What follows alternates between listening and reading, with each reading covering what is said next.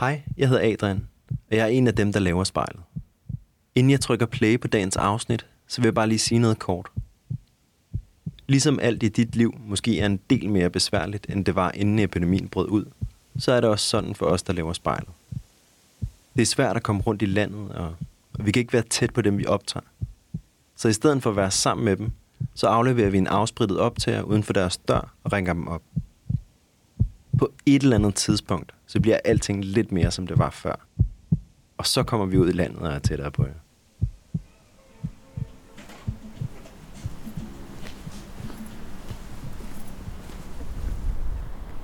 Jeg står ude ved, hvad der føles som enden af verden. Jeg er ude på Refshaleøen nord for København, hvor der for nylig er blevet bygget nogle studieboliger af gamle containere, som en hel masse unge mennesker bor i. Og det fungerer på den måde, at man har fået sin egen container, og så er der et fællesrum, som jeg står og kigger på nu her. Fra at være et øde og et gammelt industrielt område er Refshaleøen lige pludselig gået hen og blevet rimelig fashionabelt. Der ligger forskellige bryggerier og alle mulige andre butikker, bagerier. Men som det er lige nu, står vi jo midt under coronakrisen, og alle de her ting er lukket ned. Lige nu er det mandag aften, jeg cyklede gennem byen, der igen er sådan bemærkelsesværdig stille. Grunden til, at jeg cyklede herud til Refshaleøen, det er for at aflevere en optager til Elisabeth, som er i isolation i sin container herude. Det har hun været siden torsdag, hvor hun har arbejdet hjemmefra inden for sin egen lille container. Jeg glæder mig til at høre hendes syn på det der med at være i isolation her under krisen.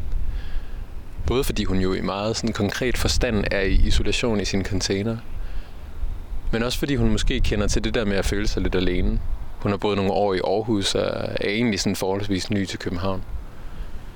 Så det jeg har gjort, det er, at jeg har afsprittet et lille spejl og en optager, som jeg har puttet i den her pose, som jeg nu vil gå op og lægge foran Elisabeths dør. 100. Og så vil jeg gå hjem og ringe til hende, så jeg kan høre, hvad der sker, når hun ser sig selv i spejlet.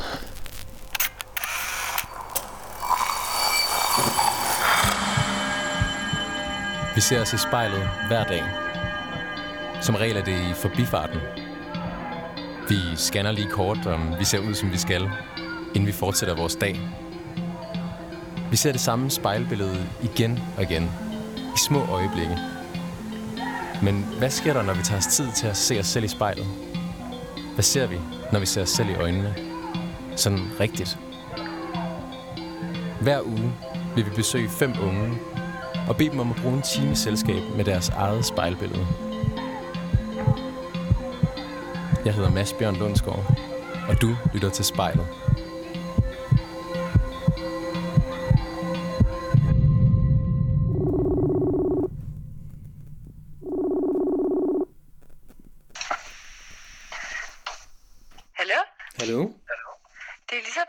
Hej Elisabeth. Hej. Hey, Hov, nu virker min lampe. To sekunder. Jeg sætter mig lige og tænder optageren, så er jeg der. dejligt. Så tænder jeg den bare nu. Hej Mads.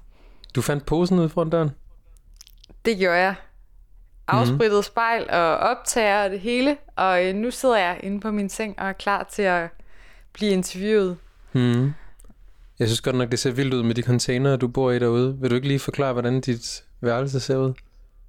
Jo, det vil jeg gerne. Det er jo sådan set en container, som man kender en container. Øh, 11 kvadratmeter øh, og øh, stål, metalvægge øh, og øh, sådan okay højt til loftet. Og så er der endevæggen er ikke container, men det er skiftet ud med, med vindue, så der er et rigtig stort vindue med udsigt ud over øh, København, faktisk fra søsiden, eller i hvert fald fra, fra Amager-siden, ikke? på Refsaløen, øh, hvor jeg bor. Og øh, så har jeg indrettet det sådan med, ja, med nogle planter, et lille bord og en kommode, men der er ikke så meget plads, altså 11 kvadrat, men der er virkelig småt at få hele ens liv ned på. Men, øh, men det går. Ja. Jamen det kan jeg da forestille mig. Altså, du kan jo faktisk se over til Amalienborg, hvor vi lige har hørt øh, dronningen sige, at, øh, at det her det er altså meget, meget alvorligt? Ja, altså jeg hørte, jeg så faktisk ikke dronningen, fordi jeg er ret anti-royalist, eller hvad man kalder det, mod monarkiet. Men jeg så øh, pressemødet med Mette Frederiksen, eller hørte det i radioen. Dem tror du dog på? Ja, eller jeg ville i hvert fald gerne lige høre, hvad, hvad... Jeg, troede, jeg var spændt på, om der skulle være udgangsforbud. Det har jeg hørt nogen snakke om. Hmm. Øhm, men det var det jo så ikke. Det var en besked om, at vi skulle øhm, ikke samles mere end 10 mennesker, og, øh, og så en hel masse andre sådan mindre øh, tiltag, som ikke kommer til at ændre så meget for mig. Nej. For eksempel, at Solaria også lukker, og at, øh, at man ikke må gå på bar og den slags. Nej. Det gør du ikke alligevel. I hvert fald ikke lige for tiden. Nej, fordi det her, de her, nu er vi jo på dag 6, siden at øh, Danmark er blevet lukket ned, som der stod i en gul bjælke lige pludselig. Ja, ja. hvad synes du om det hele? Er, du, øh, er det mærkeligt? Det er underligt. Altså det, er underligt. det mest underlige er jo uvidsheden i det, ikke? At man går rundt en dag som i dag og ved, at der er et pressemøde i aften. Og, øh, og det er det, jeg synes, de her dage kan rigtig meget. Det, det er det der med, at man lige pludselig bliver meget sådan smerteligt bevidst over, at ens liv er en del af en større masse. Øh, og det er både en, en, en mærkelig tanke, men også en god ting. Hvorfor startede du med at sige, at det var en smertelig oplevelse, opdagelse? det er jo ikke dig, der skal interviewe mig, Elisabeth. Nej, sorry. Jeg er også journalist, og Nå. det er en lidt spændende situation for mig faktisk at øh, sidde i den her ende af interviewet. Øh, jeg kan også mærke, at det er lidt utryg ved det faktisk. Altså på den der måde, at jeg vil meget gerne tage styring i samtalen på en eller anden måde. Det skal jeg prøve at lade være, lade være med. Det kan være, du lige vil introducere dig selv, Elisabeth. Ja, det vil jeg i hvert fald gerne. Øh, Udover at være i øh, corona eksil de her dage, så er jeg øh, et helt almindeligt menneske, som hedder Elisabeth Hjortøj Tostrup. Og øh, jeg er ved at uddanne mig til journalist, øh, og til hverdag bruger jeg meget tid som freelancer ude i deres kulturafdeling, hvor jeg laver blandt andet det program, der hedder K2, som er et kulturprogram. Udover det, så øh, læser jeg lige nu faktisk musikvidenskab på Københavns Universitet, fordi jeg er på udveksling. Øh, bare i København. Det er lidt øh, øh, et øh, regnestykke, jeg har lavet, fordi jeg normalvis læser til journalist i Aarhus på Danmarks Media Journalisthøjskole der. Men fordi jeg øh, har været i praktik i halvandet år i København og gerne vil blive boende, så har jeg søgt udveksling på det her semester. Øh, så nu læser jeg musikvidenskab og arbejder som freelancer ude i DR. Mm. Og det er så derfor, du har fået mulighed for at bo i en studiebolig derude på Refsaløen? Det er det nemlig, en ægte container-studiebolig. Mm. Og altså, jeg føler lidt, at isolation er øh, et tema for, øh, for de her dage. Altså både fordi det er den situation, vi alle sammen står i, men de her container her, kan man jo sige, det er nogen, der har været brugt til opbevaring af alle mulige materialer, og på en eller anden måde bliver det jo sådan en slags menneskeopbevaring. Lige pludselig, jeg kunne gå rundt og kigge ind ad vinduerne og se, at der stod et enkelt individ inde i hver kasse. Og det var på en eller anden måde meget sådan billedligt. Det kan jeg sagtens følge dig i. Jeg har selv tænkt det samme. Øh, jeg var lige ude at gå her til aften, og man kan ligesom kigge ind i, i mørket, så kan man se de her lyse firkanter, når man er på lidt på afstand af containerne. Og så er der netop et, et menneske i hver lille boks. Det er sådan helt sci-fi. Ja, hvad giver det der for en følelse at være et af de mennesker i en lille boks? Jamen, jeg, sjovt nok, så har jeg altid ret godt kunne lide den følelse. Øh, jeg kan også godt lide at kigge på sådan nogle store øh, beton-højhuse, ikke? hvor man bare kan se, at der er en skæbne, der gemmer sig inde bag hvert eneste vindue. Er der et eller andet liv, der folder sig ud, ikke? som har kæmpe opture og nedture, og, og sådan føler jeg også lidt mig selv, når jeg sådan, øh, har min egen boks herude. Ikke? Altså det er, at jeg bare er ligesom en blandt mange. Det synes jeg er en dejlig følelse. Har du set Alfons Åvær som barn? Ja, det har jeg. Kan du huske den scene, hvor han er bange for at starte i skole, og så fortæller hans far ham om, at der rundt omkring i byen ligger alle mulige små børn og er meget nervøse for at skulle starte i skoledagen efter? Øh, jeg husker det helt ærligt ikke helt tydeligt, men jeg kan godt huske, at der i Alfonso Berg er meget en følelse af at være meget alene. Jeg har godt, eller der er sådan en ensomhedsfølelse i den Ja, det er der faktisk. Børneserie. Der er sådan en underlig melankoli. Præcis, præcis. Og jeg kan også sagtens følge den. Altså, jeg, mange mennesker vil sikkert gerne føle sig unikke, men jeg kan egentlig ret godt lide følelsen af at være et lille menneske i et meget stort skæbneliv, der bare lige er ligesom plumpet ned i mit årtusind, og øh, i mit land, og i min by, og med mine forældre. Altså sådan, den der følelse af bare at være helt lille, den kan jeg godt lide.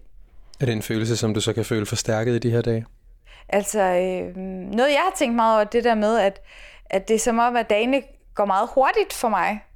Fordi at, at, at normalt synes jeg, at når ske så meget på en uge, eller på en weekend bare, altså så kan jeg sådan ligesom gå fra fredag til søndag og tænke, ej, der er sket meget, og alt det, jeg har lavet, og sådan. Og så, når jeg bare er helt alene, alle dagene, som jeg har været nu siden torsdag, hvor jeg blev sendt hjem fra arbejde, så er det som om tiden bare flyver afsted. Altså sådan, så er det aften, morgen, aften, morgen, aften, morgen, synes jeg.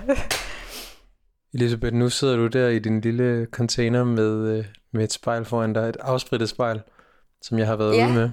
Jeg sidder i min, øh, i min seng med nogle puder i ryggen. Øhm, den sidder jeg ok meget i, fordi at jeg har så lille et værelse, så jeg bruger den lidt som sofa. Nå, men i hvert fald så sidder jeg, og så prøver jeg lige nu at forvente spejlet. Det er sådan et øh, rundt spejl. Jeg vil kalde det et make-up spejl, men jeg er også en pige. Du skal jo sætte dig selv i spejlet i en time, Elisabeth. Hvad tænker du om det?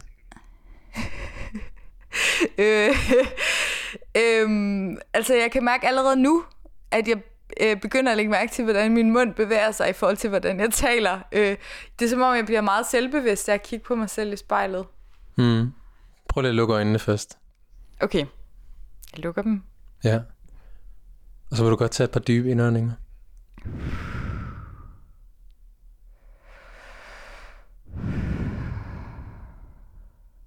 Og så prøv at åbne øjnene og fortæl mig, hvad du ser. Jamen det første, jeg lægger mærke til, det er øh, de to øh, blå runde øjne, som øh, kigger tilbage på mig fra spejlbilledet, som jo er mine øjne. Mm. Øhm, og så lægger jeg mærke til min næse som det næste, som er sådan lidt flad fra siden. Og så lægger jeg mærke til min mund øh, og øh, mine lidt små tænder. Øhm, så lægger jeg nok også mærke til mit hår, faktisk. Øh, jeg har sådan nogle slangekrøller ved ørerne lige nu, som det sidder nu. Jeg har samlet det i en hestehale. Øhm, jeg har rødt hår og øhm, sådan lidt krøller. Hvad for nogle ting forbinder du med det der med at have rødt hår? Øh, jamen altså det, det er noget, som jeg altid har følt mig lidt som en del af en klub ved at have. Jeg kan huske engang, mig og min far var på cykelferie, så mødte vi en dame, som også havde rødt hår, og som spurgte, om vi ikke ville have noget solcreme. Min far er også rødhåret. Øh, og vi havde været ude at cykle en hel dag, tror jeg, eller sådan noget. Vi var i hvert fald blevet øh, røde nok i ansigterne til, at øh, hende her, den rødhårede dame, tilbød os solcreme, og ligesom indforstået øh, var en del af den her rødhåredes klub, som jeg lidt føler, man er en del af, når man er rødhåret, og møder andre rødhårede. Sådan en vis forståelse for, at man har brug for solcreme, og, øh, og er lidt noget andet end alle andre. Er det noget at være noget andet på en god eller en dårlig måde? Mest på en god måde, men også lidt med den der historie i baghovedet om, at rødhåret også bliver mobbet. Eller sådan. Altså lidt sådan, man er lidt en outsider på en lidt sej måde, synes jeg, når man er rødhåret. Ja, jeg kan da i hvert fald godt komme i tanke om nogle heldinder, der er rødhåret. Ja, Pippi Langstrømpe og øh, Modig i Disney-universet og Ariel. Der er nogle stykker.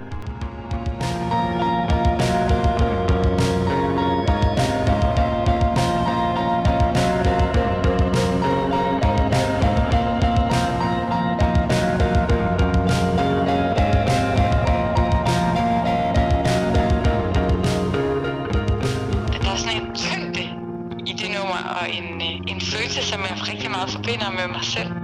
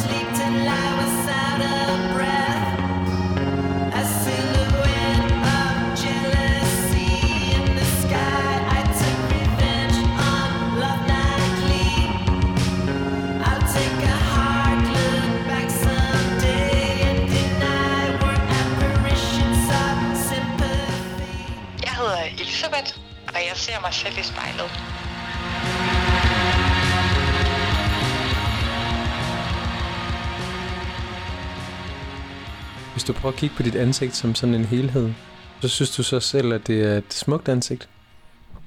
Mm, ja, det synes jeg. Det er ret symmetrisk, og jeg har ret store blå øjne og høje kindben, og, og sådan, jeg, jeg er fin hud, og sådan, jeg har altid været glad for mit eget ansigt, eller mm. mit eget spejlbillede på den måde. Er det noget, du har oplevet andre, synes også? Øhm, Ja, altså jeg har, øh, jeg har arbejdet som model fra jeg var 16 til jeg var 23 eller sådan noget, cirka. Øhm, så jeg har øh, på den måde fået at vide, at jeg var smuk fra udefra, kan man sige, eller i hvert fald, at det levede op til nogle sådan, skønhedsidealer. Det der med, at det levede op til nogle skønhedsidealer, er det for at sige, sådan, at det er, det er tilfældigt, at det lige er, at det, der bliver betegnet som smukt? Ej, det, det, ved jeg, det tror jeg ikke er, at det er helt tilfældigt. Men det er bare for at sige, at, at, øh, at, at jeg jo også har fået det at vide af mennesker, som har holdt af mig. Øh. Er der ikke forskel på, når mennesker, man er tæt på, mennesker, man elsker, fortæller en, at man er smuk, og så når nogen betaler penge? Helt klart. Altså, øh, og sjovt nok, så, altså, øh, så er det noget, to forskellige ting, jeg på en eller anden måde forbinder med det. Altså hvis nogen, øh, der er tæt på en, fortæller en, at man er smuk, så er det følelse mere som en, øh, et stempel af ens personlighed også på en eller anden måde. Det man står for, den man er. Hvor jeg kan huske det der med at blive spurgt, om jeg ville være model, var mere sådan en, det var mere sådan det ydre, føler jeg. Altså mm. det var sådan en, du lever op til noget, vi, vi kan bruge, din kropsbygning er, og dit hår og den slags. Altså. Ja, hvor gammel var du? Øh, jeg var, altså det var fra jeg var 16, eller jeg gik i, i 10. klasse, da jeg ligesom blev scoutet, og så stoppede jeg, da jeg var omkring 23, 24. Det er, når man er omkring 16 og går i 10. klasse, der, øh, jeg vil tro, der er mange, der i de teenageår der er en, meget sådan fokuseret på udseende, men også, at det er blandet med en, med en usikkerhed. Øh, hvordan ramte det dig med sådan et, et bureau, der lige pludselig vækkede interesse for, din, for dit ydre? Altså, jeg synes, det var enormt spændende, øh, og, og og det gav mig ret meget et selvtillidsboost. Altså det var egentlig ikke, fordi jeg sådan nogensinde... Jeg har aldrig været specielt meget en pige-pige, som sådan har interesseret sig særlig meget for sådan nogle skønhedsagtige ting.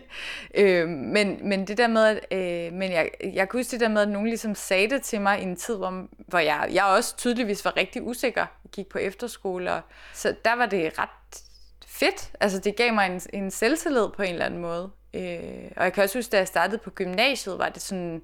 Altså, jeg tror meget af det lige så meget lå i, at jeg selv fik en selvtillid af det, egentlig, når jeg tænker tilbage. Folk har sikkert, altså, sikkert synes, det var meget spændende, men, men du ved, ikke tænkt så meget over det, som jeg selv har tænkt over det. Hmm. Har du nogensinde følt dig sådan fremmedgjort, eller følt, at folk så dig med nogle forkerte øjne på grund af det? Mm, ja, altså jeg har aldrig rigtig følt det som en del af mit identitet på den måde. Altså jeg synes ikke, jeg passer så godt ind i den verden, det var. Altså, Hvorfor ikke? Øh, og følte mig lidt off. Men fordi jeg ikke, igen, lidt ligesom det der med, at jeg ikke er en pige-pige. Jeg har aldrig gået så meget op i make-up og hår og tøj og fotoshoots og altså hele den der verden var ikke sådan det har aldrig været så meget mig, og det, var, det har heller ikke været så stort et afsavn at slutte med at være det igen. Men jeg synes, det var meget spændende i den tid, jeg var, tror jeg. For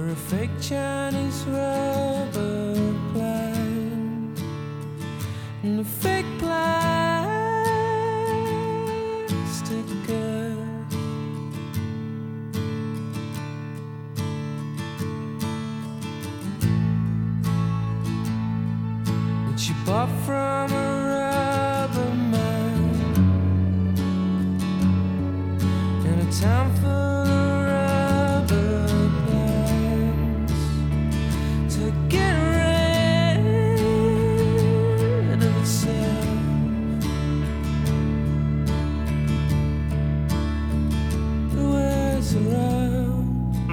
taget med, fordi jeg bare synes, det er en helt vildt god sang. Øh, som jeg hører meget for tiden. Jeg har mange Radiohead-sange, som jeg elsker. Men det er nok den her, jeg elsker mest lige for tiden.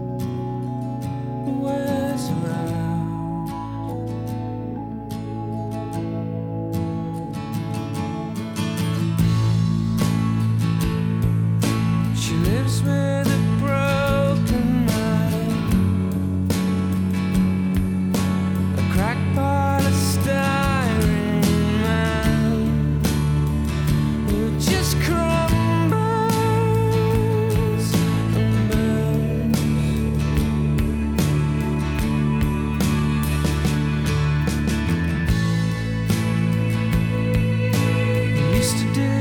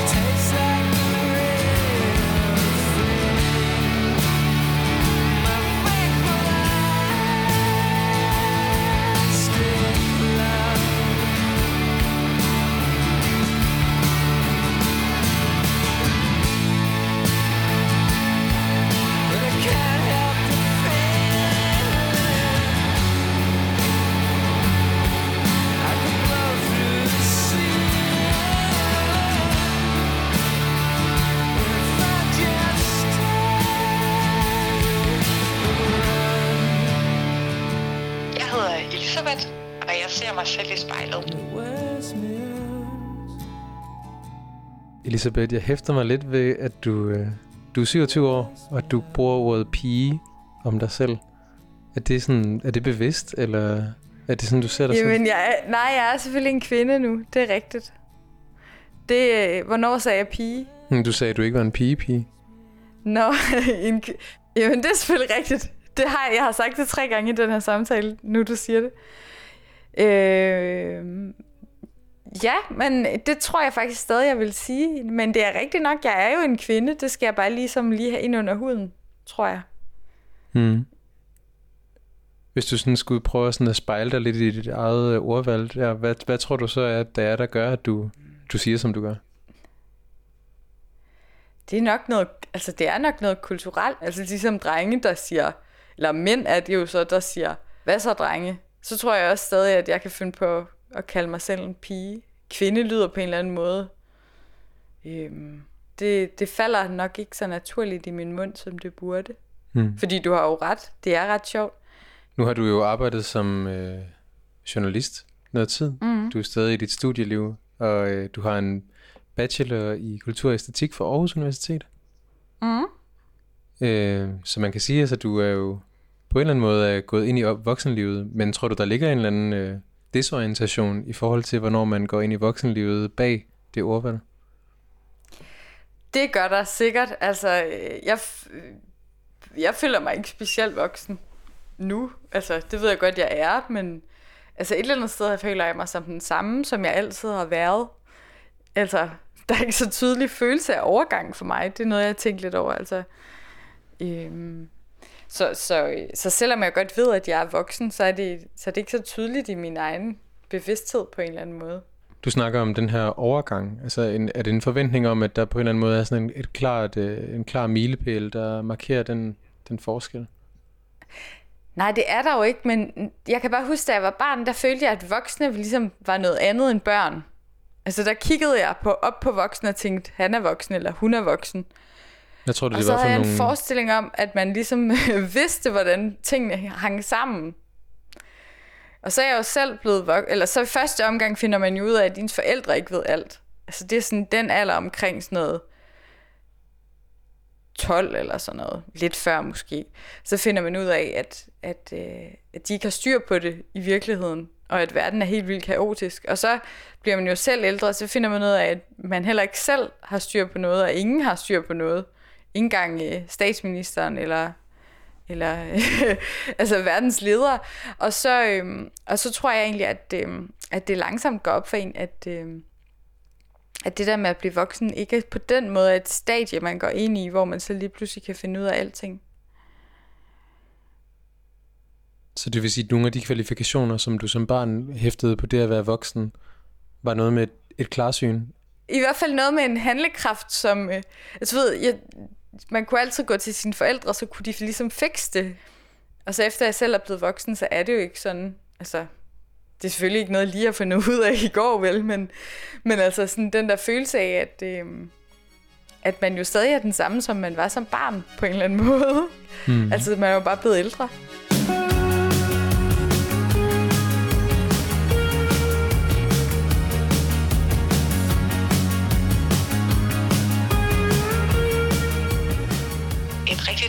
Nummer, som passer godt, hvis man skal ud og gå en tur i de her coronatider, og lige ser forsolen tit lidt frem bag skyerne, og lige bliver mindet om, at, øh, at sommeren er på vej.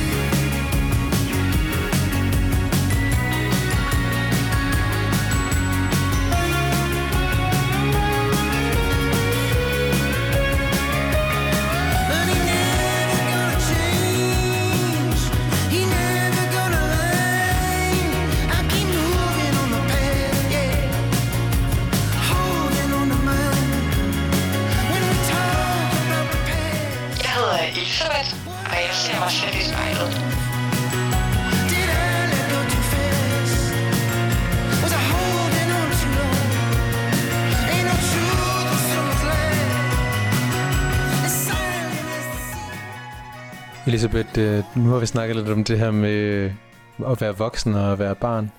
Hvis du kigger dig selv i spejlet, kan du så se barnet, Elisabeth? Det kan jeg stadig. Det kan jeg. Jeg kan stadig huske. det er sjovt, jeg ligner faktisk ikke helt vildt meget mig selv som barn. Jeg så lidt anderledes ud som barn på en måde, men jeg kan godt se mig selv som barn. Nu snakkede vi lidt om, at om vi havde set Alfons Åberg, og der var sådan en, en melankoli eller en, en følelse, som, som man lige pludselig kan mærke meget tydeligt, når man tænker mm-hmm. tilbage på de der tegnefilm. Er der nogen sådan følelser og stemninger fra din barndom, som du føler, du har taget med dig? Hmm. Ja, det er der faktisk. Altså, jeg faktisk... Øh, øh, har jeg sådan ret tydeligt minde om et træ i min børnehave, som jeg altid satte mig op i, når jeg ligesom... Jeg, jeg ved, jeg vil ikke sige, at jeg var ked af det, men når jeg ligesom havde brug for at tænke eller sådan noget, så satte jeg mig op i det der træ. Og jeg kan huske, at jeg havde sådan nogle tanker om, at jeg ville komme og tage det med, når jeg blev voksen fra børnehaven. Det kan man jo ikke med et træ, men, men jeg, sådan, jeg, jeg har talt, eller sådan i mit hoved, før jeg ligesom samtaler med det her træ. Og den der sådan følelse af, at jeg har brug for et sted at søge hen, ligesom med mine tanker, den har jeg tit søgt tilbage til, når jeg sådan har skulle finde ro. Altså så har jeg søgt tilbage til den der følelse af at sidde i det træ. Øhm, og jeg har også brugt det at meditere. Så har jeg også brugt det, øh, den der der oplevelse at, at sidde i det træ tit og søge tilbage til den, jeg ligesom skulle finde ro. Og det er sådan den første øh, minde fra min... Jeg lige kommer til at tænke på, når du siger min altså stemninger fra min barndom. Så det, det, det ligger til dig, det der med sådan at, at have det godt i dit eget selskab?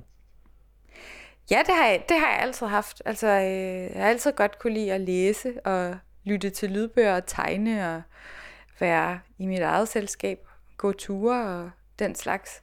Altså ikke, at jeg ikke kan lide at være socialt sammen med andre, men, men det, altså det skræm, nogen, jeg har en oplevelse af, at det kan skræmme nogle mennesker at være alene, at, at ensomheden ligesom kan blive en slags sådan, øh, klaustrofobisk følelse for dem, og sådan har jeg aldrig haft det.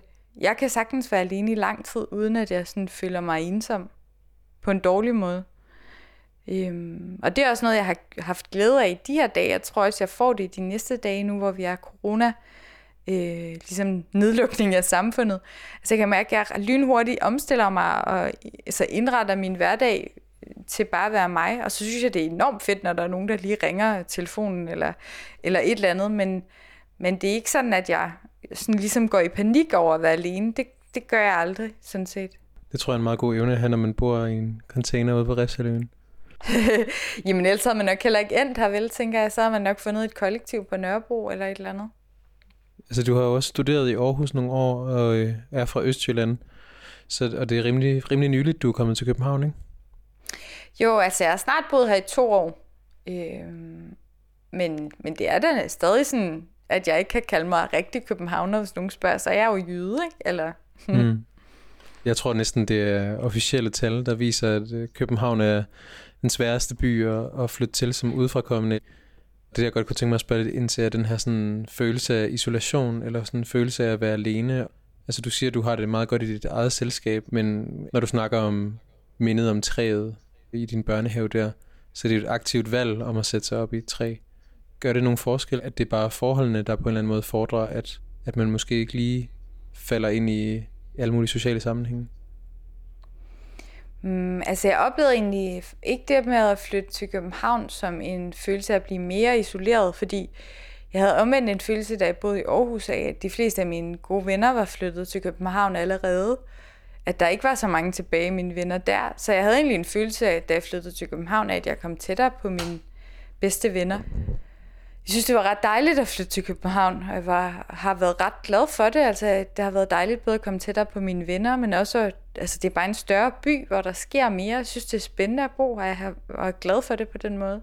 Jeg tror, for mig tror jeg egentlig ikke, at det er, jeg har tænkt over, jeg øh, kan bo ret mange steder egentlig. Jeg har aldrig været så knyttet til der, hvor jeg bor. Altså, jeg har også boet i Berlin på et tidspunkt, og jeg har været på højskole og efterskole og sådan, så jeg har, jeg synes, jeg har boet lidt rundt omkring. Øhm, altså det, der er meget sådan tryghed for mig, er at have, have nogle rutiner i mine dage, mere egentlig, end at have øh, på den måde en, en tilknytning til et sted. Hvad er det for nogle rutiner? Øh, jamen, altså det handler om sådan noget med, at jeg kan godt lide at stå op og løbe en tur om morgenen, og øh, Øh, have mine morgener i ro og fred, og skulle afsted, stå op til noget, jeg skal ligesom på en eller anden måde. Og nu hvor jeg ikke skal afsted, så prøver jeg sådan ligesom at indrette det. Øh, så der er nogle rutiner i mine dage. Jeg spiser frokost og aftensmad på samme tidspunkter nogenlunde, og Altså, bare sådan, at der er, nogle, der er nogle ting at gribe i på en eller anden måde i dagen, så den ikke virker sådan helt åben. For mig er det godt, at der på en eller anden måde er en struktur, en ryggrad i det, jeg i mit liv på en eller anden måde, som er hverdagene. Hvordan forholder du dig til sådan kontrol som fænomen? Altså, jeg har altid synes, at det er, øh, det er lidt svært at forholde sig til ordet kontrol, fordi jeg tror, at man vil opleve mig som et menneske, der har brug for meget kontrol. Og det kan også godt være, at jeg har det, men det er sjældent, at jeg ligesom bliver konfronteret med det. Altså, øh, jeg kan godt... Øh, mm, jeg, tror, jeg tror egentlig i virkeligheden mere, end jeg har brug for kontrol, så har jeg brug for altså, tid til at være alene i, i hverdagen. Altså. Hvad, hvad, hvad skaber det af udfordringer for dig, at du har det behov? Øh, jamen, jeg har egentlig mest oplevet det, når jeg har været både på efterskole og højskole. Altså, jeg har, det er ikke, fordi jeg ikke har været glad for det, men, øh, men jeg har bare oplevet, at jeg, ligesom, det har været rigtig hårdt for mig i starten, fordi jeg, jeg skal lige finde ud af at finde nogle rum, nogle træer at klatre op i, altså noget, nogle steder, jeg kan søge hen. Øh, og jeg kan også mærke, hvis jeg sådan er på ferie med nogen, eller sådan noget, jeg har brug for lige at gå en tur alene, eller lige sådan reflektere lidt over tingene, ellers kan jeg ikke nå at nyde dem på en eller anden måde. Hvordan mærker du, at du har brug for det, for det rum, eller det træ at klatre op i? Mm, jamen det er egentlig altid været lidt dårligt til at mærke, og så lige pludselig øh, bliver det hele bare for meget, ligesom, øh, så, så bliver jeg ked af det, eller kan ikke rigtig overskue noget. Øh, jeg kan bare mærke, hvis jeg sådan skal være i synk med mig selv og glad, så har jeg brug for, at der ligesom er den der plads til også at trække mig tilbage. Mm. Og jeg tror godt, at man kan forveksle det med sådan kontrol, eller, eller i hvert fald sådan indadvendthed, eller sådan. Men, men i virkeligheden, så, så kan jeg ret godt lide at være sammen med mennesker. Jeg har bare ligesom brug for, at der er nogle rammer, og at jeg også have, har mulighed for at trække mig, uden det sådan er uhøfligt.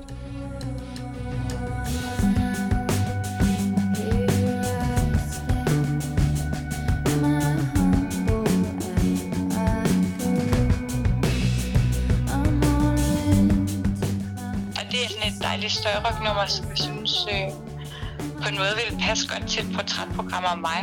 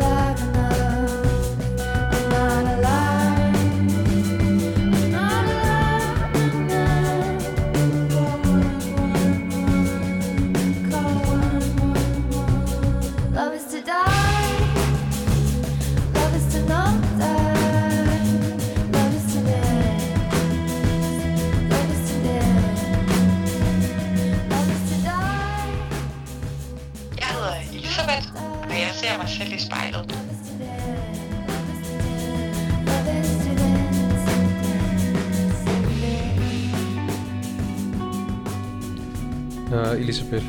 Nu har vi snakket lidt om øh, det der med at, at have brug for at trække sig og være alene, have nogle træer at klatre op i. Nu arbejder du jo som øh, journalist, mm. og øh, nu lige her, da jeg, da jeg ringede dig op tidligere, Elisabeth, så skulle jeg lige mindre om, at, at, at du ikke skulle interviewe mig. Kan det godt være noget, du kommer til at gøre sådan ved, ved uheld, det der med sådan at, at komme til at interviewe dine venner? Ja da, jeg laver ikke andet, skulle jeg til at sige. Ej, det er måske overdrevet, men, men, men jeg elsker da at interviewe mine venner. Det er da også en måde, altså, det er da en måde på en eller anden måde, at man kan komme tættere på dem og snakke om noget, i stedet for bare bla bla, noget med vejret. Altså, det er dejligt at kunne altså, tale om et emne, og så sådan spørge dem. Og alle mine venner, tror jeg, så det kan vi godt sige, uden at fornærme nogen, har det til fælles, at de godt kan lide at tale. Altså, øhm, i hvert fald alle mine rigtig gode venner. Og, og, og på den måde synes jeg, at, at jeg ofte tager min faglighed, eller min, på den måde min journalistik, ind i mine venskaber. Øhm, men, men det er ikke sådan, at, min, at jeg er venner med dem, jeg er venner med, for, for at leve, altså, fordi de er spændende mennesker i kulturlivet, eller sådan noget. Altså, Nej. Øhm, det, er min, altså, det er mine oprigtige venner, men jeg kan sagtens finde på at lave interviews med dem, hvis du forstår. Mm. Altså, så, så jeg tror sådan, for mig at se i hvert fald, så øh, det er ikke fordi, man skal gå ud og interviewe alle ens venner, men bare det der med at tænke samtalen som et lidt magisk rum, som kan gøre en meget klogere, som er helt vildt spændende at gå ind i. Det synes jeg nogle gange, det virker som om mennesker glemmer. Så, øh, og man skal også huske at spørge sine venner om spørgsmål. Altså, man kan jo venner i lang tid, hvor man lige pludselig ikke ved noget helt, helt basalt om. Tror de på Gud for eksempel, eller øh, vil de gerne begraves, eller øh, hvad er deres forhold egentlig til deres mor, eller... Altså, der er jo mange spørgsmål, man glemmer at stille hinanden, oplever jeg øh, derude. Og jeg prøver, glemmer det også selv, men jeg prøver nogle gange at huske det. Og det er også der, jeg nogle gange tror, at folk oplever, at jeg interviewer dem lidt for meget. fordi jeg kan finde på at spørge om sådan noget. Tror du på Gud, Elisabeth? Ja, det gør jeg. Altså, jeg aner ikke, om han findes, men jeg tror på Gud. Altså... Hvordan kommer det til udtryk i dit liv? Mm, Altså, jeg beder aftenbøn, inden jeg sover. Hvordan, øhm, hvordan foregår det? Jamen, det foregår sådan, at jeg øh, beder til Gud om at beskytte de mennesker, jeg elsker, og så går jeg ligesom dem igennem. Så tænker jeg på min mor for eksempel, og min far, og min bedste veninde og min farmor og farfar. Sådan tænker jeg på mine brødre og sådan tænker dem alle sammen lige igennem, og så beder jeg Gud om at beskytte dem sådan enkeltvis. Det er sådan en god måde at sige godnat til dem, eller sådan. Kan jeg godt lide. Øhm, og så tænker jeg, beder jeg om nogle ting, hvis der skal ske nogle ting, jeg er nervøs for, eller spændt på, eller glæder mig til dagen efter, så plejer jeg lige sådan at sige, jeg håber, det kommer til at gå godt med det og det, eller altså alt efter hvad dagen i morgen byder, og så plejer jeg også altid at sige tak for det, jeg er glad for for dagen. Altså hvis der er gået godt med et eller andet, eller jeg havde en god samtale med en eller anden, eller, eller at jeg, bare det, at jeg ikke er syg for eksempel for tiden, det plejer jeg at tak for. Øhm, det er sådan en god måde, synes jeg, sådan lige at grounde, hvor jeg er om aftenen, inden jeg skal sove. Så det handler om taknemmelighed? Ja, det gør det for mig. Og altså, jeg er ikke specielt religiøs på den måde, at jeg, jeg er ikke sådan... Øh, øh, jeg, jeg lever ikke efter nogle religiøse regler, eller på den måde øh, dyrker Gud meget i mit liv, eller jeg går heller ikke i kirke eller den slags. Men for mig handler Gud meget om taknemmelighed, tror jeg. Er det noget, du altid har gjort? Ja, det er noget, jeg altid har gjort. Jeg gjorde det, fra jeg var barn med mine forældre. Mm. Så det på en eller anden måde det er en del af de rutiner, som du også snakkede om tidligere? Ja, det tror jeg. Det tror jeg. Jeg holder meget af mine rutiner. Altså, der er små ting, jeg gør. Øh, og jeg opfinder også hele tiden an, altså, små ting, som bliver rutiner.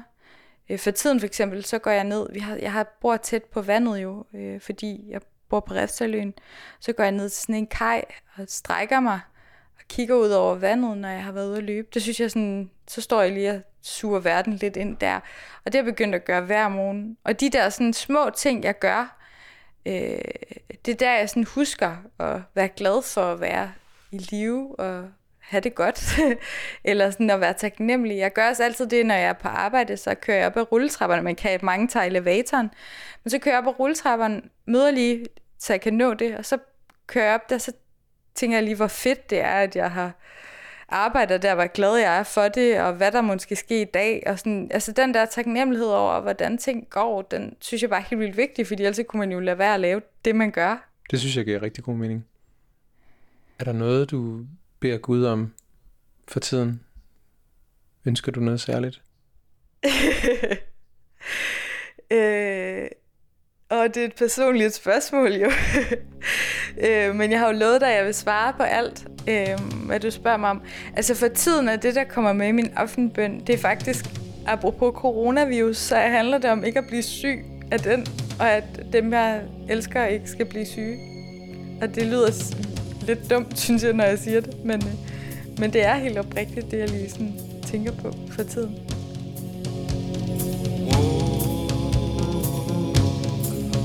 Inside.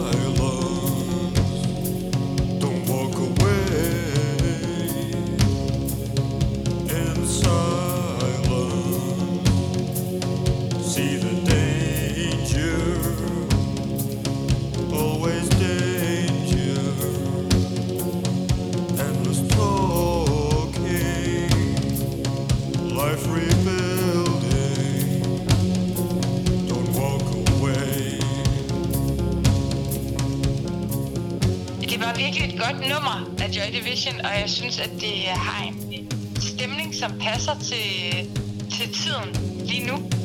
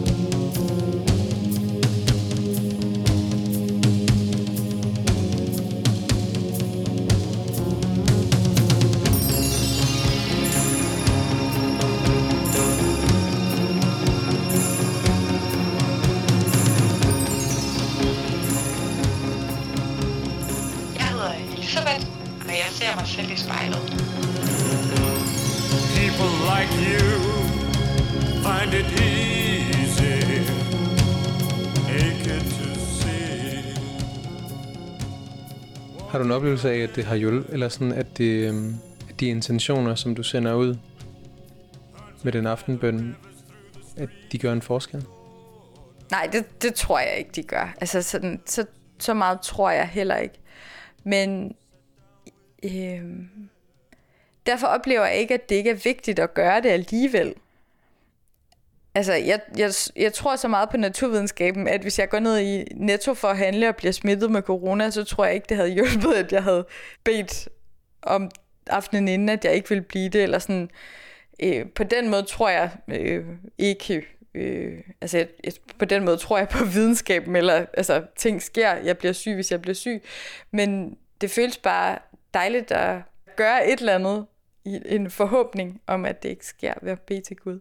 Når du så adresserer, er det så ikke også en måde, på en eller anden måde at minde dig selv om, hvem du er, og hvad du ønsker, hvad du er taknemmelig for, eller kridte dit spejlbillede op for dig selv? Jo, det, det tror jeg, du er helt ret i. Det, det tror jeg da, det er. Altså, øhm, jeg tænker i hvert fald øh, tit over det der med, at i, sådan, i løbet af sådan en dag glemmer man jo heldigvis, skulle jeg til at sige, øh, tit sig selv i alt det, man er i gang med at lave. Ikke? Altså alle de opgaver, alt det, der sker. Og det synes jeg er dejligt, det synes jeg er godt. Det, det bliver forfærdeligt ligesom hele tiden at være i den der bevidsthed. Men, men jeg tror, det er vigtigt også at zoome ind i den og huske, hvor man er i livet og alt det, der lykkes for en, og hvor man skal hen og hvad man gerne vil. Altså at zoome lidt ud nogle gange også, ikke? Så man ikke kun er i det der race, hvor man skal alt muligt spændende. Øhm, det synes jeg, Gud kan bruges til, altså en tanke om sådan, til at hjælpe en med de ting, man har brug for hjælp til, på en eller anden måde, og minde en selv om det. Når du så hæver blikket der om aftenen og ligger og beder aftenbøn, hvad er det så for en, en større bane, som du ser dit liv på? Øhm, jamen det tænker jeg faktisk lidt over for tiden. Altså, øh, hvor, jeg, hvor jeg skal hen. Altså hvis du tænker mere øh, tænker mere på mit pri- privatliv, eller hvad man siger, altså sådan noget med, om jeg drømmer om at få en mand og børn og villa og sådan noget. Er det sådan noget, du tænkte på? Måske. Altså, jeg føler, at jeg er et ret godt sted i livet lige nu. Mm. Men det er da lidt spændende, hvis man kunne se 10 år frem, hvor man er, ikke? Altså, hvad der kommer til at ske. Ja, Og sådan en situation, som vi står i lige nu, er jo med til at skærpe den der følelse af, at, at det er meget meget svært at sige. Vi ved ikke engang, hvor vi står om en uge. Nej, altså, lukkede grænser, det troede jeg ikke skulle ske i min livstid. Mm. Men, men det er så noget, at, at dine rutiner og din altså, struktur der, altså du kan finde noget forankring og stå fast i den. Ja, altså det er faktisk ret sjovt. Øh, jeg kunne mærke den dag, vi ligesom fik at vide, at vi skulle gå hjem og sådan noget, der var jeg helt forvirret i mit hoved. Det, jeg kunne ikke... Øhm, du ved, det havde jeg ikke planlagt, og alting var underligt, synes jeg, og jeg kom hjem og synes alt, at der var en underlig stemning i mig på en eller anden måde. Jeg kunne ikke, dagen var evig lang, og du ved, jeg kunne ikke samle mig om at arbejde, og jeg synes, det var en mærkelig dag. Men så dagen efter, der startede jeg ligesom ud og lagde en plan slagplan for min dag, og stod tidligt op og begyndte at arbejde og løb, som jeg plejede og sådan noget. Og så kunne jeg ligesom meget bedre være i det. Så havde jeg lavet, altså du ved, holdt frokostpause kl. 12, og du ved, alle de der ting, som gjorde, at jeg kunne, øh, ligesom kunne være i det igen. Og så har det egentlig været fint siden. Så hvis du skulle give et råd, så skulle det være at få sig nogle rutiner? Men det ved jeg ikke. Jeg tror også, jeg selv er lidt speciel på det punkt. Altså, nogle mennesker finder jo ro i at bo det samme sted hele livet, eller øh, finder ro i at gøre det stik modsatte. Jeg tror, jeg, jeg tror mere, det råd, jeg vil give, det er sådan, i stedet for at ønske alt for meget at være en anden, så øh, arbejde med det, du har. Altså finde ud af, hvad der fungerer for dig, og så gå med det. Altså, fordi nogle gange kan det også godt forbande langt væk den person, jeg er, eller synes, åh, kan jeg ikke bare tage mig lidt sammen og gøre noget andet, eller et eller andet. Men med alderen så har jeg fundet ud af, at hvis jeg ligesom arbejder med de ting, som fungerer, og som gør mig glad, så er det nemmere at være mig, og så, så er det nu engang sådan, det er. det har været virkelig dejligt at snakke med dig, Elisabeth. I lige måde, Mads. Hvordan synes du, det har været at kigge dig selv i spejlet i dag? Jeg synes faktisk, det har været en lille smule øh, mærkeligt, og øh, sådan, altså du, du ved, jeg plejer at være mig, der kan få lov til at spørge, og ikke ligesom skal give noget. Og jeg kan mærke, at både det at kigge mig selv meget i spejlet, og skulle tale i den her øh, diktafon, det er, det er et lille smule sådan, øh, ikke grænseoverskridende, men sådan øh, intimiderende. Jeg bliver meget selvbevidst af det i hvert fald. På den måde tænker jeg faktisk også, at det kan være meget godt. Og jeg tror også, at man bliver lidt klogere på sig selv af at turde gøre nogle ting, man ikke plejer. Du skal have tusind tak, fordi du vil være med. Tak, Mads. Jeg er øh, glad for, at du vil have mig med.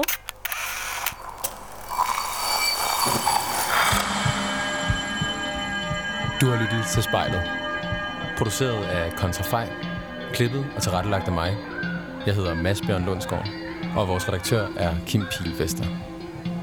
Musikken blev valgt af personen foran spejlet, og du kan finde spejlets playliste på din streamingtjeneste. Hvis du har noget på hjerte, eller hvis du har en idé til, hvem der skal foran spejlet, så skriv til os på Instagram.